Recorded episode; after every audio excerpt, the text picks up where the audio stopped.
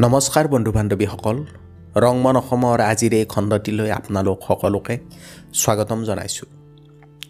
আজি দুই ডিচেম্বৰ চুকাফা দিৱস। গতিকে আজিৰ এই খণ্ডটোত আমি আহোম বংশৰ প্ৰতিষ্ঠাপক চাওলুং চুকাফাৰ বিষয়ে কিছু কথা আলোচনা কৰিম। গতিকে মৰমৰ বন্ধু বান্ধৱীসকল আহক আজিৰ খণ্ডটো আমি আৰম্ভ কৰোঁ। আহোম বংশৰ প্ৰতিষ্ঠাপক ৰজা চাওলুং চুকাফাৰ জন্ম হৈছিল এঘাৰশ ছিয়াশী চনৰ ইউৰিং মুং ৰাম নামৰ পৰ্বতৰ ৰাজ্য এখনত। চাওলুং চুকাফা আছিল টাই বংশৰ লোক। অসমৰ সীমাৰ পৰা চীন দেশৰ মাজভাগলৈকে টাইসকলৰ বসতি আছিল। টাইৰ অৰ্থ হ'ল স্বৰ্গৰ পৰা অহা লোক।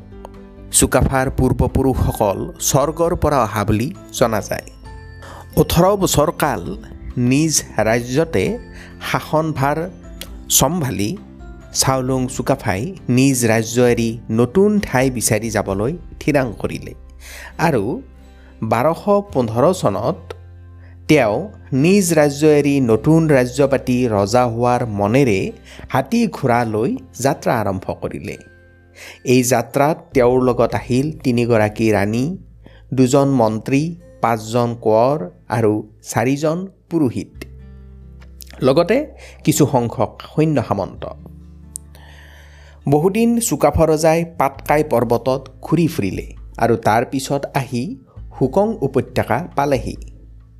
তাতে আৰু বহুতো টাই জাতিৰ মানুহ আহি লগ লাগিলেহি। এই গোটেইবিলাকেই অতি কষ্টৰে দুৰ্গম পথবোৰত বাট কুৰি বাই আগুৱাবলৈ ধৰিলে। আৰু এদিন পাটকাই পৰ্বত পাৰ হৈ আহি বাৰশ ওঠৰ চনত খামজাং নামৰ নৈখনৰ পাৰ পালেহি। নৈখন পাৰ হৈ তেওঁলোকে নগা ৰাজ্যৰ নুং ন্যাং নামৰ পুখুৰীটোৰ পাৰত উঠিলেহি। তাতে তেওঁলোকে কিছুদিন কটাইছিল। পিছে নগাবোৰে অচিনাকি মানুহ দেখি খেদি আহিল আৰু তাতে দুয়োপক্ষ মানুহৰ মাজত যুঁজ হ'ল। যুঁজত চুকাফা ৰজা জিকিল। তেওঁ নগা ৰাজ্যখনকে তলতীয়া কৰি ল'লে।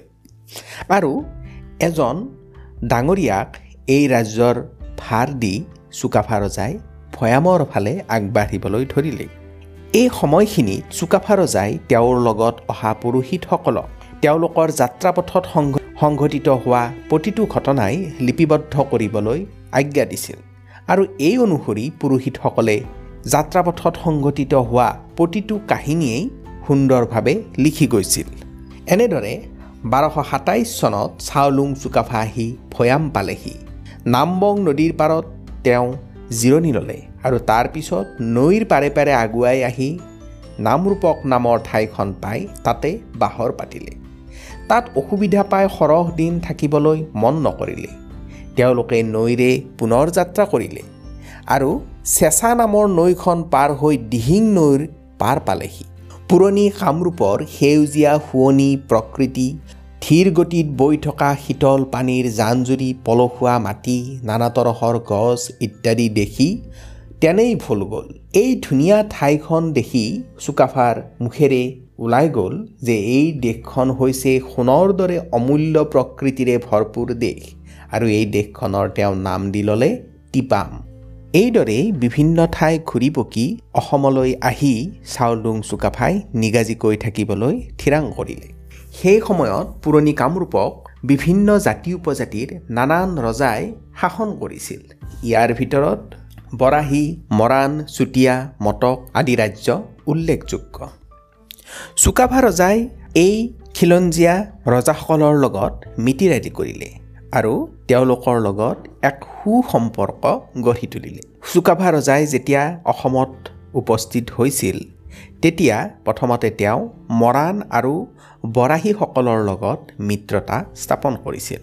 মৰাণ আৰু বৰাহী দুয়োটা জনগোষ্ঠীৰে জনপ্ৰতিনিধিৰ জীয়ৰীক বিবাহ কৰি এই সম্বন্ধ আৰু বেছি কটকটীয়া কৰি তুলিছিল। জ্ঞানী গুণী চুকাফা ৰজাৰ সাহস আৰু শক্তি দেখি সেই ঠাইৰ মানুহখিনিয়ে নিজৰে মংগল হ'ব বুলি ভাবি চুকাফাক সমীহ কৰিবলৈ ধৰিলে। লাহে লাহে তেওঁকে অধিপতি পাতি ল'লে আৰু সকলো তেওঁৰ লগত একগোট হৈ পৰিল। সময়ত চুকাফা তেওঁলোকৰ ৰজা হৈ পৰিলগৈ। চুকাফা ৰজাৰ মান বাঢ়ি গ'ল লগে লগে শক্তিও বাঢ়িল। মানুহবোৰক ৰণ শিক্ষা জ্ঞান শিক্ষাৰে তেওঁ নিপুণ কৰি তুলিলে। এইদৰে তেওঁ বিশাল সাম্ৰাজ্য এখনৰ অতি প্ৰতাপী স্বৰ্গদেউ হৈ উঠিল। তলতীয়া ৰজাসকলক তেওঁ সহায় কৰিছিল আৰু যথেষ্ট সন্মানৰ চকুৰে চাই তেওঁলোকৰ মান ৰক্ষা কৰিছিল। সেইবাবে সমগ্ৰ অঞ্চলৰ ৰজাসকলেও তেওঁক সমীহ আৰু সন্মান কৰিছিল। ৰাজ্য জয় কৰাত চাওলুং চুকাফা যেনেদৰে পৰাক্ৰমী আছিল সেইদৰে ৰাজ্য শাসনতো তেওঁৰ বিচক্ষণতাৰ তুলনা নাছিল। আহোম কছাৰী মটক আদি সকলো প্ৰজাকে তেওঁ সমদৃষ্টিৰে চাইছিল।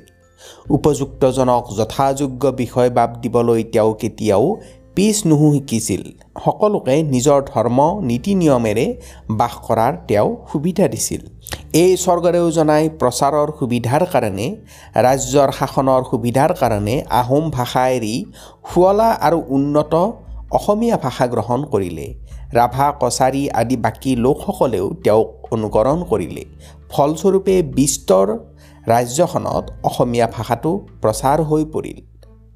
অসমীয়া ভাষা প্ৰচলনে আন এটা বৰ ডাঙৰ কাম কৰিলে। এইটো হ'ল সকলোৰে মাজত মিলা প্ৰীতি আৰু একতাৰ ভাৱ গঢ়ি তুলিলে। ইজন সিজনৰ আপোন হৈ পৰিল আৰু সময়ত আহোম মটক মৰাণ কছাৰী সকলোৱে অসমীয়া ভাষা কৈ অসমীয়া হৈ পৰিল। চুকাফা ৰজাৰ লগত অহা শ শ সৈন্যক অসমৰ জীয়ৰীক বিয়া কৰাই ঘৰ সংসাৰ পাতিবলৈ তেওঁ উৎসাহ দিলে। লাহে লাহে অসম ৰাজ্যত এটা বৃহৎ অসমীয়া জাতিৰ সৃষ্টি হৈ সমগ্ৰ ৰাজ্যখনৰ গৌৰৱ বঢ়ালে। আহোমৰ প্ৰথম স্বৰ্গদেউ চাওলুং চুকাফাৰ এই মহৎ কামটি চিৰকাললৈ অতুলনীয় হৈ থাকিব। কেৱল সাহসী পৰাক্ৰমীয়ে নহয় চুকাফা স্বৰ্গদেউৰ পানী আৰু মাটিত থকা পদাৰ্থবোৰৰ প্ৰচুৰ জ্ঞান আছিল। এইবোৰ দিশত পাৰদৰ্শিতা থকাৰ বাবেই তেওঁ ৰাজ্যখনি জয় জয় ময় ময় কৰি তুলিব পাৰিছিল। পাহাৰীয়া জুলিবিলাকৰ পানীত তেওঁ লোন পুঙৰ উৎপত্তি ঠাইৰ উমান পাইছিল। দিচাং দিশৌৰ বালিচৰৰ বিলাকত থকা সোণৰ কণিকাৰ ভূ পাই সেইবোৰ চালি সোণ উলিওৱাৰ তেওঁ ব্যৱস্থা কৰিছিল। চুকাফা স্বৰ্গদেৱে চাই দেখিলে তিৰু নামৰ ওচৰত থকা পথাৰখনত খনিজ লৌৰ উৎস আছে। তেওঁ লৌৰ উজাৰ হতুৱাই মাটিৰ পৰা লো উলিয়াবলৈ লগালে। ওজাই লো মিহলি গেৰুৱা মাটি ধুই লৌৰ গুৰি উলিয়াই মাটিৰ থালিত সেইবোৰ ইকৰাৰ জুইৰে পগাই লো তৈয়াৰ কৰিলে। তাৰে দা কুঠাৰ কটাৰী কাঁচি কোৰ আদি যাৱতীয় সঁজুলি তৈয়াৰ কৰা হ'ল। আনহাতে যুদ্ধৰ বাবে শিলৈ ৰামচাংগী তৰোৱাল হেংদান বৰটোপ ইত্যাদি অনেক অস্ত্ৰ শস্ত্ৰ তৈয়াৰ কৰি অস্ত্ৰ ভঁৰাল মজুত কৰি ৰাখিলে। সেই সময়ত সকলো মানুহে নিজে তাঁতশালত কাপোৰ বৈ পিন্ধিছিল। ৰজা ৰাণীৰ সাজপাৰো পাট মুগাৰে বৈ দিয়া হৈছিল। তাৰ বাবে ভিন্ন ভিন্ন বিষয়ববীয়াসকলক ৰখা হৈছিল। এনেদৰে গোটেই ৰাজ্যখন নানা কামত নানা বিষয়ত থান থিত লগাই চুকাফা স্বৰ্গদেৱে নিয়াৰিকৈ চলাই থৈ পিছৰ স্বৰ্গদেউসকলৰ বাবেও নমুনা দেখাই গ'ল। চুকাফা স্বৰ্গদেউৰ গুণ গৰিমাৰ কথা কৈ অন্ত কৰিব নোৱাৰি। তেওঁ আছিল এজন বৰ সুনিপুণ যোদ্ধা আনহাতে সাহসী বুদ্ধিমত্তা দূৰদৃষ্টিসম্পন্ন উদাৰ মনৰ এজন জ্ঞানী লোক। সেইবাবেই তেওঁ আহি ভৰি থোৱা ঠাইত থলুৱা লোকবিলাকক নিজৰ ফলীয়া কৰি ল'ব পাৰিছিল। যুদ্ধ জয় কৰি মানুহৰ মন জয় কৰাতকৈ সহায় আৰু দয়াৰে মানুহৰ মন জয় কৰিবলৈ তেওঁ চেষ্টা কৰিছিল। এনেদৰে সৰু সৰু অঞ্চলৰ মুখিয়ালবোৰৰ পৰা সঁহাৰি পাই নিজৰ ফলীয়া কৰি নিজেই শক্তিশালী হৈ পৰিছিল। চুকাফা স্বৰ্গদেৱে সকলো ধৰ্মকে ভক্তি কৰিছিল। তেওঁৰ অধীনত থকা ৰাজ্যত মানুহবোৰে নিজ নিজ বিশ্বাসমতে ধৰ্ম পালন কৰাত কোনো ধৰণৰ বাধা নাছিল। অকল সেয়ে নহয় নিজৰ নিজৰ ভাষা নিজৰ নিজৰ নিয়ম নীতি সংস্কৃতি আদি মানুহবোৰে নিৰ্ভয়ে মানিব পাৰিছিল। এইদৰেই চুকাফা স্বৰ্গদেৱে ঊনচল্লিছ বছৰ নিয়াৰিকৈ ৰাজ্য চলায়।